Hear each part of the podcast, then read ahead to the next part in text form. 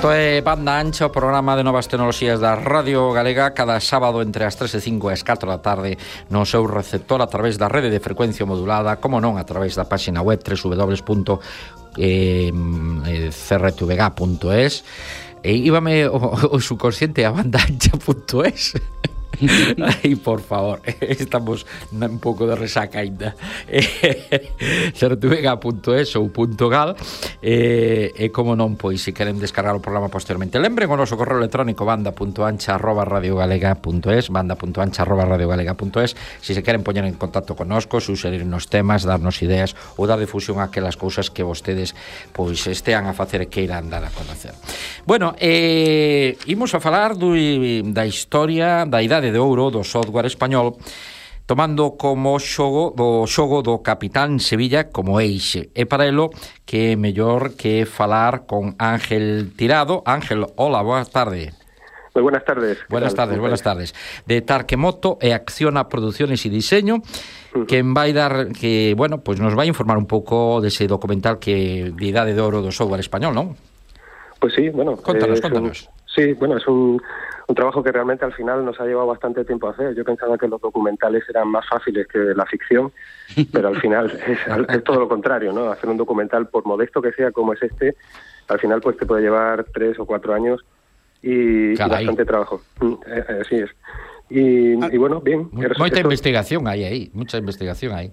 Mucha investigación, una vez que, que empiezas, pues empiezas a descubrir un montón de cosas muy interesantes, como aparte de la famosa edad de oro que tú has mencionado y que yo en su época que estaba involucrado en el mundo de los videojuegos desconocía, o sea, nunca tuve esa noción de la edad de oro, pero aparte de eso, pues todo el tema de los remakes, eh, el tema retro, el gusto por el pixel art, todo este tipo de cosas que, que, han ido surgiendo y que ahora mismo pues están en plena efervescencia, ¿no?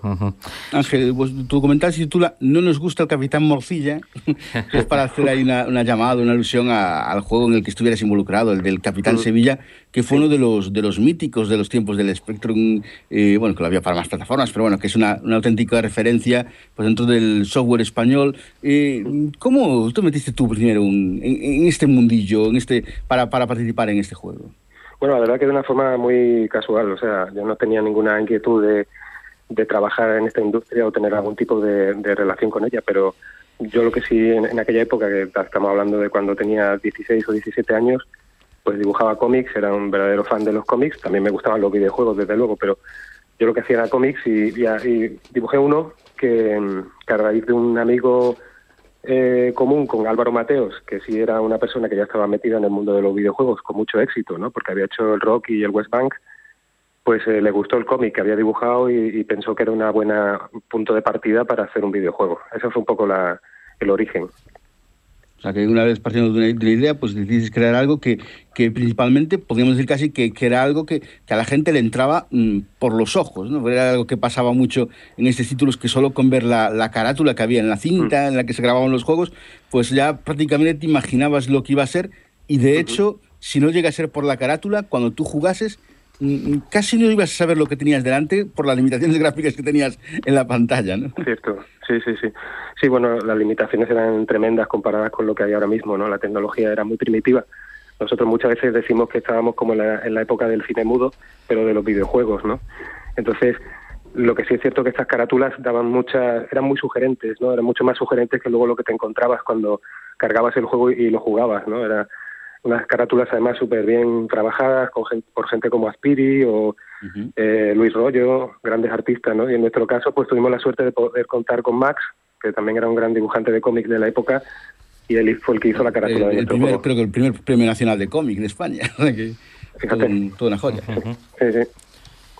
Y, en estos casos, pues claro, empezasteis con este juego del Capitán Sevilla, que casi fue en la recta final de, este mundillo, de esta época, porque poco, poca cosa hubo después, el Spectrum ya rápido cayó en decadencia por culpa de las consolas de videojuegos. ¿Crees que nos perdimos ahí una oportunidad muy grande de poder crear una industria potente en España? Yo creo que en parte sí. O sea, hubo una, hubo una buena industria durante un tiempo que fue la que estaba vinculada a los 8 bits, al, al Spectrum, a, al Amstrad, a, otros ordenadores que había de aquella época de 8 bits. Pero el paso a los 16 bits, como tú estabas diciendo, no solo por las consolas, sino por ordenadores como el Amiga o otros, otros modelos de ordenadores de 16 bits, dificultaba lo que antes era muy fácil para todo el mundo, que era que había mucho acceso a, poder crear tu propio software, ¿no? Te juntabas con dos o tres amigos y, era muy fácil crear algo. Ya los 16 bits plantearon unos retos tecnológicos que eran más complicados de solventar. Y yo creo que eso facilitó uh, el que el que la tecnología, o sea, que la industria pues un poco se viniera abajo, ¿no? Creo que esa fue una de las grandes claves. Mm. Pero en cambio estos, estos juegos que hay hechos que por una persona que se encargaba del sonido, uno de los mm. gráficos, otro que programaba, que eran equipos realmente, realmente reducidos, pues tienen ahí un, efecto nostálgico que está tirando mucho, ¿no? ¿Cómo, cómo ves este movimiento que está viendo eh, en España de pues, ferias y actividades todas dentro del mundillo retro? Sí, bueno, a mí me encanta. Yo, la verdad es que también hay que decir que cuando salí del, del videojuego Capitán Sevilla, luego ya no tuve mucha más relación con el mundo de los videojuegos hasta que retomé esto con, con el tema de mi documental, ¿no? Entonces ahora he vuelto a conocer pues toda, todo este mundo de las ferias retro, de de los Game Fest y todas estas cosas que son, la verdad que súper interesantes y, donde la gente va con muchísimo entusiasmo y hay muchísimas, muchísimas cosas realmente atractivas e interesantes. ¿no? Una de las cosas que nosotros estamos planteamos en nuestro documental es que justamente ahora se está viviendo una época parecida a la de los 80, a la de finales de los 80, porque independientemente de que se siguen haciendo juegos muy potentes con 3D y con un montón de recursos, también es fácil para un pequeño grupo independiente hacer otro tipo de juegos, ¿no? De hecho, hay muchos juegos que son pixelados o que o que un poco evocan la, estética de aquella época. Incluso tenemos el caso del Minecraft, que aun siendo un poco más sofisticado, pues también es, es una especie de homenaje al, al pixel, ¿no? Bueno, de hecho, incluso bueno, en los juegos que va a incluir PlayStation Plus en el mes de enero, se ha colado un juego independiente español. O sea, que estas cosas a veces hay oportunidades ahí para llegar al mundo gracias a todo este desarrollo indie, que es una, una moda que, que por lo menos hay algunos que le está abriendo una puerta al mundo interesante. Pero eh, tú ahora a la hora de abordar este, este documental, para poder contactar con toda la gente pues que, estuvo involucrada en el desarrollo del juego del Capitán Sevilla o que está todo metido en el mundillo de los, de los juegos clásicos, mm, ¿cómo, ¿cómo haces? ¿Vas directamente a las ferias estas retro y es ahí donde te encuentras o tienes que andar pescándolos uno a uno? Bueno, la verdad que fue bastante complicado en algunos casos.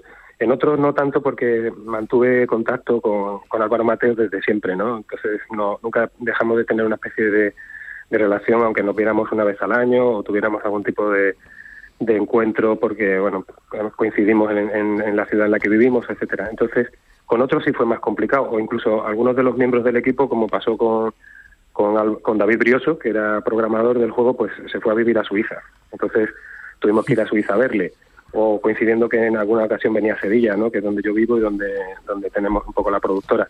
Entonces, en, algunos casos fue más complicado mm, y en otros me fue prácticamente imposible o, hay gente que ha aparecido porque el, grupo de personas que hicimos el, videojuego pues éramos como 13 o 14 personas, ¿no? Y al final pues habré podido volver a contactar para el documental pues con, pongamos, cinco, cinco o seis, o sea, no, no, no fue tampoco posible contactar con otros pues porque no, conservas eh, los teléfonos, no existía email entonces, en fin, una serie de dificultades, ¿no?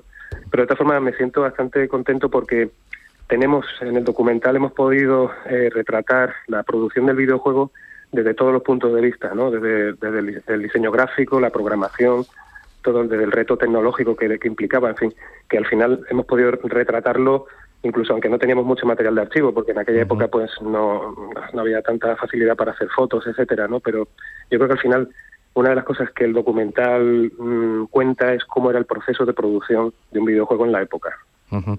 Bueno, ah, eh, Ángel, eh, ah, tenéis... para, acabar habría que preguntar también a ver, ¿cuándo, lo podemos ver? Exactamente.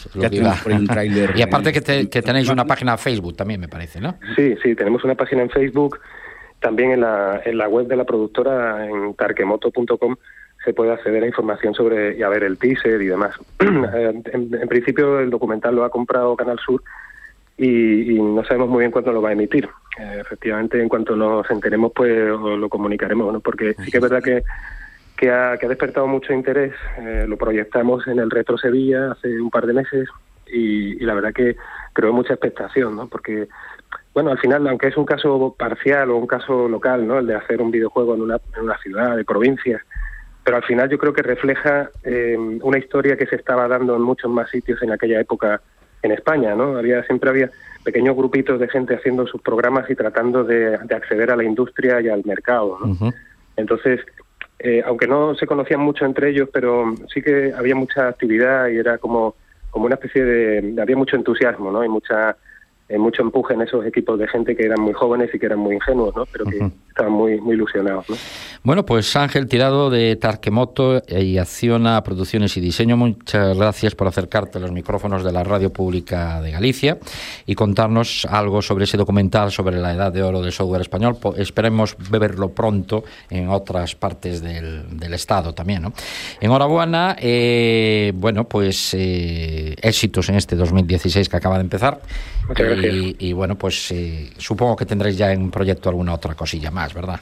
Pues sí, estamos trabajando también en, ficción, queremos hacer un, largometraje de ficción, una comedia, y bueno, siempre hay proyectos, eh, siempre estamos con cosas entre manos, o sea que sí, es cierto.